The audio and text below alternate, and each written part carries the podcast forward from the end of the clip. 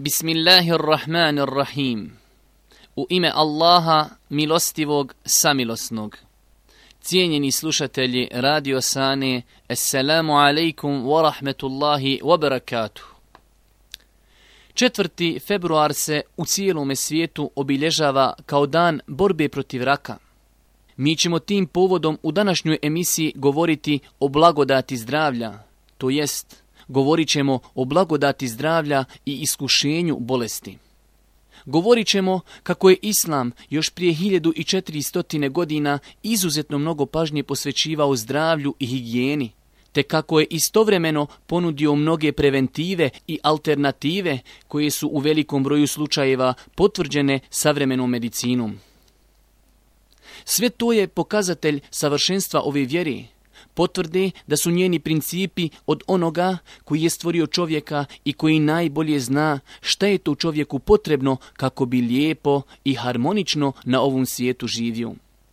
Isto tako, sve ove činjenice su demant svima onima koji islam kao vjeru života smatraju adekvatnim isključivo vremenu kada je Kur'an objavljivan, a ne i današnjem vremenu. Obzirom da se radi o veoma opširnoj temi, i ukoliko bismo željeli detaljno govoriti o odnosu Islama kada je u pitanju zdravlje, što neminovno iziskuje i govor o odnosu Islama naspram medicine, trebalo bi nam mnogo vremena i emisija. Stoga ćemo cijenjeni slušatelji spomenuti samo nekoliko, po meni, najbitnijih stvari. Kako Islam gleda na blagodat zdravlja? Koji je taj koji je čovjeku darovao blagodat zdravlja, ali i ostali blagodati? te kako da mu budemo zahvalni na svim tim blagodatima, pitanja su na koja ćemo pokušati odgovoriti u ovoj emisiji. Također, na kraju ćemo spomenuti kako je Islam još prije 14 vijekova došao sa mnogim preventivnim savjetima kako za čovjeka i njegovo zdravlje, tako i za čovjekovu okolinu, a neke od tih savjeta je učinio i obaveznim, preventive, čiju validnost i plodove svakim danom uviđa i sam zapad, te iste počinje prakticirati. Zdravlje. Zdravlje je samo jedna u dugom nizu Allahovih blagodati kojima je uzvišeni obdario iznimno velik broj ljudi koji žive na planeti. Vjernik zna da je zdravlje veliko dobro dato čovjeku, ali istovremeno i svojevrsno iskušenje kako bi svaki čovjek pona osob bio na ispitu, na koji način se odnosi naspram ove blagodati. Kazao je uzvišeni stvoritelj, sve što je na zemlji mi smo kao ukras njoj stvorili da iskušamo ljude ko će se od njih ljepše ponašati. Izuzetno je mnogo onih koji o tome skoro pa nisu nikada razmišljali. Nikada nisu razmišljali da oni posjeduju nešto što se ne može kupiti, a kada bi se moglo kupiti, vrijedilo bi zasigurno mnogo. Kada se ljudi razboli i kada privremeno ili neki od njih zauvijek izgube ovu Božju blagodat, mnogi od njih su spremni da se odreknu skoro svega što posjeduju, samo da bi se izliječili. Problem je u tome što ljudi sve dok ne izgube tu blagodat, kao i mnoge druge, nisu svjesni šta su posjedovali. Arapska poslovica kaže, zdravlje je kruna na glavama zdravih ljudi, koju ne vide osim bolesnici. Ljudi su skoro uvijek kroz historiju, a naročito u današnjem vremenu, u kojem se sve gleda kroz prizmu materije i koristi, smatrali da je imetak nešto najbolje što čovjek može posjedovati, zaboravljajući da baš oni posjeduju nešto što bi većina bolesnika bila spremna platiti milionima. Da li se cijenjeni slušatelji uopće može govoriti o vrijednosti vida ili recimo govora, sluha i drugih blagodati koji velik broj ljudi posjeduje? Zdravlje je jedna u dugom nizu blagodati koje mogu da se iskoristi na pozitivan, ali i na negativan način. Žalosno je to što velik broj ljudi zloupotrebljava tu Allahovu blagodat, te istu koristi u ono što mu je zabranio, isti onaj komu je tu blagodat darovao. U tom smislu citirat ćemo i govor posljednjeg Allahu poslanika Muhammeda alihi salatu wasalam koji kaže Mnogo je ljudi koji su obmanjeni u pogledu dvije blagodati, zdravlja i slobodnog vremena. U stvarnosti, pogledamo li u ljude koji nas okružuju, vidjet ćemo ih kako zdravlje zajedno sa ostalim blagodatima ne iskorištavaju onako kako to od njih njihova vjera traži. Na primjer, koliko je ljudi koji blagodat vida koriste gledajući ono što im je vjerom strogo zabranjeno. Blagodat zdravlja je jedna od pet stvari, čije iskorištavanje je posebno istakao Allahov poslanik alihi salatu wasalam, savjetujući sljedbenike svoga ummeta, kako bi se što bolje i kvalitetnije pripremili za polaganje računa na sudnjem danu. Kazao je Allahov poslanik, iskoristi pet, prije nego li te zadesi pet, život prije smrti, zdravlje prije bolesti, mladost prije starosti, bogatstvo prije siromaštva, slobodno vrijeme prije zauzetosti. Naša vjera nas uči da budemo optimistični, da budemo zadovoljni na onome što uživamo od dobra, makar bilo oni koji su nas u tome pretekli. To je izuzetno bitan psihički moment koji će zasigurno polučiti mnoge korisne rezultate u čovjekovom životu. Kazao je alihi selam, ne gledajte u oni koji su vas pretekli, kojima je dato više nego vama, već gledajte u oni koji su na nižem nivou od vašeg, oni kojima je dato manje nego vama. Čovjek treba da bude zahvalan gospodaru i da ne zaboravi. Iako ga uzvišeni Allah iskuša uskraćivanjem neki od blagodati, da je mnogo oni koji su iskušani mnogo više nego on.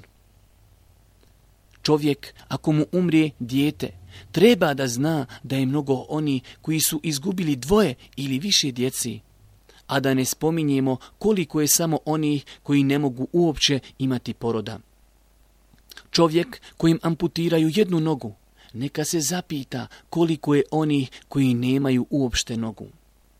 Takvo razmišljanje, cijenjeni slušatelji, će čovjeka psihički ojačati, učinit će ga zadovoljnim, da će mu elana da nastavi živjeti i da se nosi sa svim iskušenjima koja ga okružuju.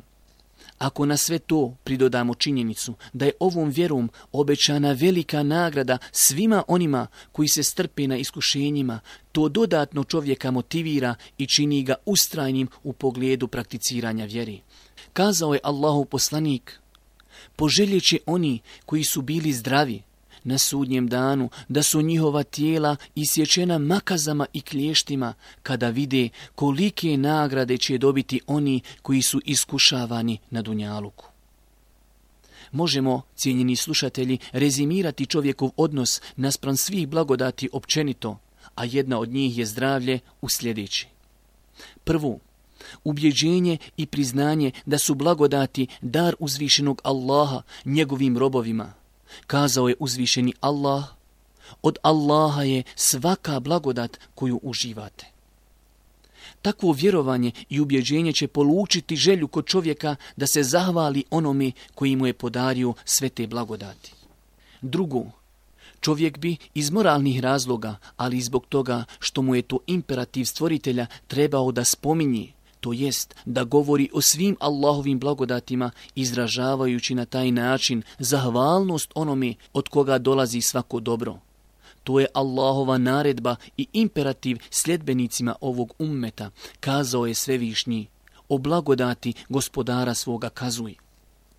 Treći, zahvalnost Allahu na blagodatima i to na način što ćemo se pokoriti onome što On uzvišeni traži od nas, kao i na način što ćemo ostaviti sve ono što nam je zbog našeg dobra zabranio. Zaista je skoro pa nemoguće shvatiti one ljude koji na svakom koraku krše Allahove granice, a toliko je blagodati kojima ih je baš On, njihov gospodar, obdario. Nije li to, najblaži rečeno, svojevrstan bezobrazluk? Kada bi im neko učinio samo jednu uslugu, čitav život bi se trudili kako bi mu se odužili. Pa zar stvoritelj zemlje i nebesa nije najpreći da mu se odužimo na svim tim neizmjernim blagodatima? Sada, nakon svega spomenutog, iskreno se zapitajmo u koju kategoriju mi potpadamo? U kategoriju oni koji se svjesno odnose prema ovoj blagodati ili kategoriju oni koji je zloupotrebljavaju kršeći njome Allahove granice. Zahvaljivanje uzvišenom Allahu na blagodatima nosi sa sobom mnoge koristi, spomenut ćemo samo neke od njih. Uzvišeni Allah je obećao da će povećati svoje blagodati onima koji budu zahvalni na onome što imaju. Kazao je uzvišeni Allah, kad je gospodar vaš objavio, ako budete zahvalni, ja ću vam za cijelo još više dati. Budete li nezahvalni, kazna moja doista će stroga biti. Zato, cijenjeni slušatelji, ukoliko želimo da naš gospodar poveća svoje blagodati prema nama, zahvaljujmo mu onda na postojećim blagodatima. S druge strane, nezahvalnost Allahu na blagodatima – koje se najviše manifestuje nepokornošću uzvišenom u onome što traži od svojih robova, biva razlogom umanjivanja Allahovih blagodati prema njegovim robovima. I ne samo to, nezahvalnost na Allahovim blagodatima nosi sa sobom mnoge negativne posljedice, kako po pojedinca, tako i po društvo. Rekao je svevišnji Allah. Allah navodi kao primjer grad, bezbjedan i spokojan, kojim je u obilju dolazila hrana sa svih strana, a koji je nezahvalan na Allahovim blagodatima bio, pa mu je Allah zbog onoga što je radio dao da iskusi i glad i strah. Šta može biti teži od toga da jedno društvo iskusi ove dvije patnje, glad i strah? Naše društvo veoma dobro zna ili bi trebalo znati vrijednost ovih blagodati, jer smo na svojim leđima okusili njihovo odsustvo. Čudno je to da su ljudi preko noći zaboravili na period rata i sve što im se dešavalo u tim vremenima. Da iz toga nisu gotovo nikakvu pouku uzeli. Ljudi su preko noći zaboravili kako to biva biti gladan. Ljudi su veoma brzo zaboravili šta znači živjeti u strahu iščekivanja. Nakon ovih riječi o blagodati zdravlja, onome koji nam je dotično dobro darovao, načinima zahvaljivanja na blagodatima, štetama koje proizilaze iz nezahvalnosti, smatram, cijenjeni slušatelji, veoma korisnim da kažemo nekoliko riječi o tome kako je Islam još prije 1400. godina ukazao na mnoge preventivne mjere kada je u pitanju čuvanje čovjeka, njegovog zdravlja i okolini u kojoj živi. Mnogi od tih preventivnih mjera su potvrđene u zadnjem stoljeću, kada je tehnologija, naročito medicina, dostigla mnogo više nego što li je dostigla u više prethodnih stoljeća. Zbog skučenosti s vremenom spomenut ćemo samo neke od njih. Prije toga treba da znamo da je islam vjera koja svoje sljedbenike direktno i indirektno postići na istraživanje u svakom pogledu, što svakako obuhvata područje medicine i liječenja. Poznato nam je da je prvi ajet koji je objavljen Allahovom poslaniku naredba koja upućuje na izučavanje, istraživanje, ispitivanje. Iqara, uči, koja je općeg karaktera i svakako da obuhvata istraživanje na polju medicini. Također, Allahov poslanik je kazao, Allah nije dao niti jednu bolest, a da za nju nije dao lijeka. Neko će ga znati, a neko neće, osim jedne bolesti. Koja je to bolest, upitaše prisutni. Smrt, odgovori poslanik.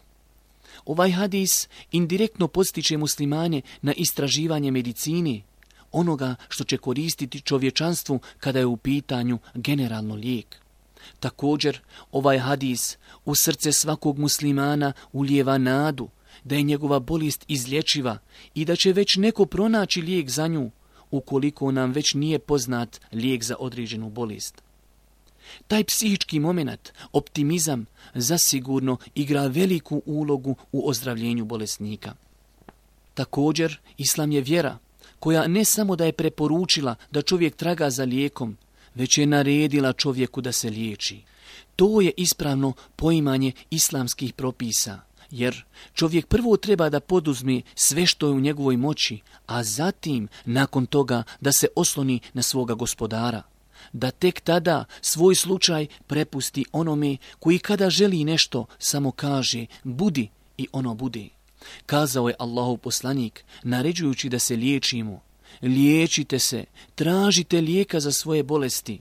Zaista Allah nije dao ni jednu bolest, a da za nju nije dao lijeka, osim jedne bolesti, starost.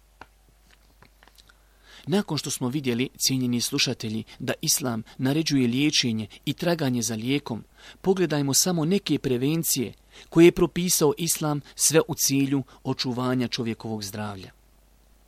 Danas, kada su otkrivene mnoge zarazne bolesti, medicina je ustanovila da mjesta i odjeli na kojima se liječe oboljeli od zaraznih bolesti treba da se izoluju od drugih, a sve s ciljem kako bi se na taj način spriječilo širenje zaraznih bolesti. Islam nam je jasno, još prije toliko vremena ukazao na tu činjenicu. Kazao je Allahov poslanik, kada čujete za koleru, kugu, u nekom mjestu, a vi ste izvan dotičnog mjesta, ne ulazite u njega. A oni koji su u njemu, neka ga ne napuštaju. Iz ovog hadisa vidimo kako nam je Islam na jednostavan način pojasnio preventivne mjere u pogledu zaštite od zaraznih bolesti. Dakle, oni koji se ne nalaze u tom mjestu, neka ne dolaze u mjesto zaraženo bolešću, a oni koji se zateknu u njemu, neka ne izlazi kako time ne bi proširili bolest i na druga mjesta. Također, interesantno i zanimljivo je spomenuti da je Islam prije toliko vremena preporučivao obrezivanje, sunećenje, što je u nekim hadisima Allahu poslanika spomenuto i u imperativu. Kazao je alihi salatu wasalam, pet stvari se ubrajaju u prirodna obilježja čovjeka. Obrezivanje, sunećenje, brijanje dlaka oko stidnih mjesta, genitalija, skraćivanje brkova, rezanje noktiju i čupanje dlaka ispod pazuha. Muslimani su mnogo puta kroz historiju bili predmetom ismijavanja zbog prakticiranja ovog segmenta islama, sve dok Allahovom voljom nije uznapredovala medicina i pojasnila nam da obrezivanje sa sobom nosi toliko koristi po čovjeka da ih je danas u procvatu medicini gotovo nepotrebno pominjati. Koliko je samo izrazito opasnih bolesti koji nastaju kao plod zapostavljanja ovog islamskog propisa. Napokon, i sam Zapad je danas shvatio, zahvaljujući napretku medicini, da ovaj čin predstavlja veliku preventivu u pogledu raznih bolesti, te se danas u mnogim evropskim zemljama odmah po rođenju djeteta prakticira čin obrezivanja ili kako bismo to mi kazali sunečenja. Naravno, drugi to nisu mogli znati osim rezultatom naučno-medicinskih otkrića, što nije slučaj i sa muslimanima, koji su sve ovo znali još prije 14 vijekova i to kao rezultat istinitosti zadnje Božje objave Kur'ana. Interesantna informacija je i ta da je jedan od najpoznatijih protivnika obrezivanja, američki doktor Vizvil, predsjednik odjeljenja za bolesti novorođenčadi u vojnoj bolici u Vašingtonu, u jednom od svojih članaka 90-ih napisao – Citiram. Godine 1975. bio sam najveći protivnik obrezivanju. Tada sam bio na strani onih koji su nastojali smanjiti procent obrezivanja kod djeci. Međutim, istraživanja iz 80. godina jasno pokazuju na povećan broj mokračnih zapaljenja neobrezanih djeci. Kod takve djece povećana je opasnost hroničnog zapaljenja bubrega i otkazivanja bubrega u budućnosti. Nakon objavljivanja dodatnih istraživanja i testiranja naučnih studija koje su objavljene u ovom polju, došao sam do potpuno drugačijih rezultata i postao sam od najvećih pobornika obrezivanja. Uvjeren sam da obrezivanje treba da bude rutinski zahvat kod novorođenčeta. Završava svoj govor dr. Vizvil. Treba napomenuti da dr. Vizvil nije jedini koji je smatrao obrezivanje novorođenčadi neophodnim. Američka pedijatrijska akademija je u potpunosti povukla svoju preporuku koju je objavila 1975. godine te je 1989. godine objavila novu u kojoj nedvosmisleno poziva i preporučuje obrezivanje svakog novorođenčeta. U želji da vam spomenemo još mnogo preventivnih postupaka koje je Islam propisao još prije 1400 godina, spomenut ćemo ukratko samo neke bolesti koje kojima su izloženi oni koji ne prakticiraju obrezivanje. Obrezivanje novorođenčeta štiti od raka spolnog uda. Kazao je dr. Šven, rutinsko obrezivanje novorođenčeta u potpunosti otklanja mogućnost pojave raka spolnog uda. Obrezivanje novorođenčeta štiti od spolnih bolesti. Dr. Fink je spomenuo u svojoj knjizi koja je izdata davno, 1988. godini, da 60 naučnih studija potvrđuje činjenicu da se spolne bolesti češće javljaju kod neobrezanih, kod neobrezanih ljudi. Obrezivanje štiti upale mokrašnih kanala kod djeci. Ispitivanja koja su obavljena na oko pola milijuna djece u Americi pokazuju da je mogućnost pojavi upali mokračnih kanala kod neobrezane djeci deset puta veća nego što je to slučaj kod obrezane djeci. A da ne spominjemo i to koje još sve bolesti ne nastaju zajedno sa upalom mokračnih kanala. Rezultati dva posljednja ispitivanja na 8000 muškaraca u Africi pokazali su da obrezivanje može smanjiti rizik od zaraze hivom i to sa čak 50%. Hvalje neka je uzvišeni stvoritelj koji je čitavom čovječanstvu ponudio ono u čemu je korist za njih, što je naravno dokazala i dokazuje savremena nauka. Također, Islam je svojim sljedbenicima naredio da koriste misvak i da njime čiste zube. Allahu poslanik je izrekao skoro pa stotinu hadisa u kojima se spominje misvak i njegove vrijednosti. U nekim hadisima je čak preporučeno korištenje misvaka prilikom svakog abdesta i namaza. To je minimalno pet puta dnevno. Kazao je Allahu poslanik, da se ne bojim da ću otežati sljedbenicima svoga ummeta, naredio bi, naredio bi im da čiste zube mi svakom prije svakog namaza ili abdesta. Korištenje mi svaka ne samo da nosi ovo svjetske koristi, kao što ćemo spomenuti, već sa sobom nosi i ono svjetske koristi.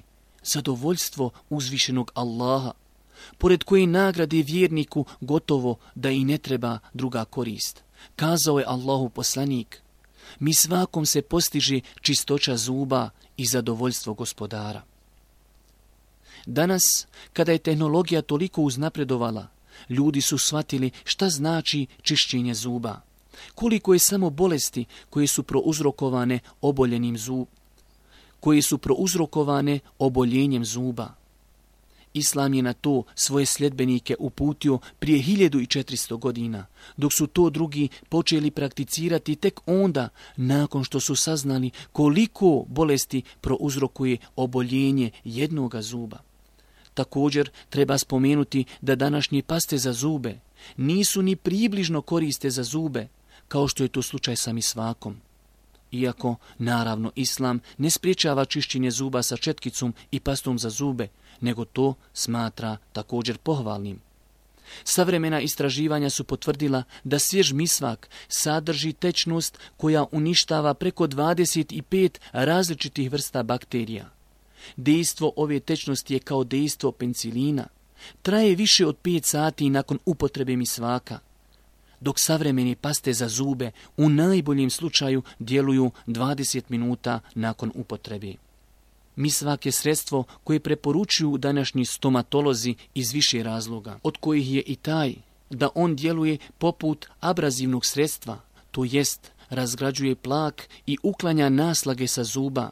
Njegovi sastojci pomažu da zubi ostanu prirodno bijeli, stvara se otpornost desni. Njegovim svakodnevnim korištenjem zadovoljava se potreba korištenja abrazivne hrani kojom se jačaju vlakne, zadužene za čuvanje zuba u zubnoj čašici. Uklanja neugodne mirise iz usne šupljine. Toliko je velika korist korištenja misvaka da je u velikom broju zapadnjačkih zemalja postala normalna stvar da se misvaci prodaju u apotekama. Također, Islam je u svom savršenstvu preventivno ukazao i na to da ukoliko bi pas lokao iz posude vodu, Istu posudu je potrebno oprati sedam puta vodom i jedan put zemljom. Kazao je Allahu poslanik, kada pas naloči posudu sa vodom, operite je sedam puta vodom i jedan put sa zemljom. Dugo godina su se mnogi nemuslimani ismijavali ovom postupku, a muslimani su ga prakticirali znajući da sve što je od tvorca nije uzalud. Savremena ispitivanja su potvrdila činjenicu da u pljuvačci psa postoje bakterije koje su izrazito opasne po čovjekovo zdravlje, koje se ne mogu odstraniti sa posude iz koje je pas lokao osim sa zemljom i to zbog grubosti materijala kao i zbog sastojaka koju u sebi sadrži zemlja koji uništavaju te bakterije. Islam je također svojim sljedbenicima zabranio određene stvari i to isključivo zbog štetnosti koje te stvari nosi sa sobom. Islam je muslimanima strogo zabranio konzumiranje alkohola, a smatram da ne postoji razuman čovjek kojim je potrebno spominjati štete koje proizilaze iz konzumiranja alkohola. Kazao je uzvišeni Allah, ukazujući čovjeku na ono što mu šteti. O vjernici, vino, i kocka, i strelice za gatanje su odvratne stvari, šeitanovo djelo, zato se toga klonite da biste postigli što želite. Šeitan želi da pomoću vina i kocke unese među vas neprijateljstvo i mržnju i da vas od sjećanja na Allaha i obavljanja molitve odvrati. Pa hoćete li se okaniti? Islam je također kategorički zabranio jedinje svinskog mesa zbog mnogobrojnih šteta koje konzumiranje svinjetine nosi sa sobom. Kazao je svevišnji, on vam jedino zabranjuje strv i krv i svinsko meso i ono što je zaklano u nečije drugo ime, a ne u Allahovo. A onome ko bude primoran, ali ne i želje, tek toliko da glad utoli, njemu grijeh nije, Allah zaista prašta i milostiv je. Islam je, cijenjeni slušatelji, u osnovi zabranio sve ono što šteti čovjeku. Taj veličanstveni princip zasnovan je na mnogim argumentima, jedan od njih su riječi Allahu poslanika, nema šteti niti nanošenja šteti. Sve što će štetiti čovjeku nije mu dozvoljeno konzumirati. Zaista je mnogo preventivnih mjera kojima je Islam podučio svoje sljedbenike. Zbog skučenosti s vremenom zadovoljit ćemo se sa spomenutim. I na kraju spomenut ćemo samo nekoliko alternativnih mjera koje je Islam ponudio još prije 1400 godina, a koje su ostale puno važeće sve do dan danas i svakim danom sve više oni koji priznaju njihovu plodonosnost. Naravno, sve ovo spominjemo u kontekstu veze islama i zdravlja, kako bismo pojasnili da je islam vjera koja ovom segmentu ljudskog života pridaje i kako veliku pažnju. Tako ćemo naći da islam podstiče na liječenje čorokutom, crnim zrncima, za koja je Allahu poslanik, onaj koji ne govori po hiru svome kazao, zaista je čorekut, lijek za svaku bolest, osim za smrt. Allahu poslanik prije 14 stoljeća ukazuje nam na korist ove biljke, a medicina je to u skoroj historiji shvatila i dokazala. Savezna uprava za kontrolu lijekova i hrani Sjedinjenih američkih država odobrila je 1996. godine upotrebu ulja čorekuta za tretman kancerogenih oboljenja, sprječavanje neželjenih efekata kemoterapije i jačanje imunološkog sistema organizma. Također, Islam je preporučio korištenje meda i ukazao sljedbenicima ovog ummeta na njegove koristi. Do te mjeri da je uzvišeni Allah to potvrdio u svojoj plemenitoj knjizi, kazavši Gospodar tvoj je pčelu na dahnju, Pravi sebi kuću u brdima, i u dubovima i u onome što naprave ljudi. Zatim rani se svakorovsnim plodovima, pa onda idi stazama gospodara svoga poslušno iz utroba njihovih izlazi piše različitih boja koje je lijek ljudima. To je uistinu dokaz za ljude koji razmišljaju. Allahu poslanik je o medu kazao lijek je u troje, pa je spomenuo jednu od tri stvari i med. Savremena istraživanja su spomenula toliko koristi od korištenja meda da je skoro pa nemoguće prebrojati svaku od njih. Islam je također još na jednom mjestu ukazao ljudima na veoma plodonosan način liječenja, puštanje pokvarene krvi, kupicom, takozvana hijjama. Allahu poslanik alihi salatu wasalam u više hadisa spomenuo je plodonosnost ovog načina liječenja. Kazao je poslanik alihi salatu wasalam, zaista najbolje čime se možete liječiti je hijjama, puštanje pokvarene krvi zaista je to jedan od vaših najkorisnijih lijekova. Svima nama je poznato da je krv glavni uzročnik bolesti u čovjekovom tijelu. Na ovaj način liječenja čovjek kao da filtrira i pročišćava svoju krv, što zasigurno nosi sa sobom mnoge koristi za čovjekovo tijelo. Jedna ozbiljna studija koja govori o koristima hijjami, puštanju pokvarene krvi, spominje da hijjama efektivno djeluje u liječenju više od 90 vrsta bolesti, gdje su nabrojane mnoge bolesti s kojima se velik broj ljudi današnjici svakodnevno susreći a to su problemi sa pritiskom, upale bubrega, oboljenja srca, problemi sa mokračnim kanalima, oboljenja prostate, problemi sa šećerom u krvi, problemi sa gastritisom, glavobolje i mnoge druge bolesti koje su spomenute u studijama koje govore o koristima ovog načina liječenja. I na kraju rezime.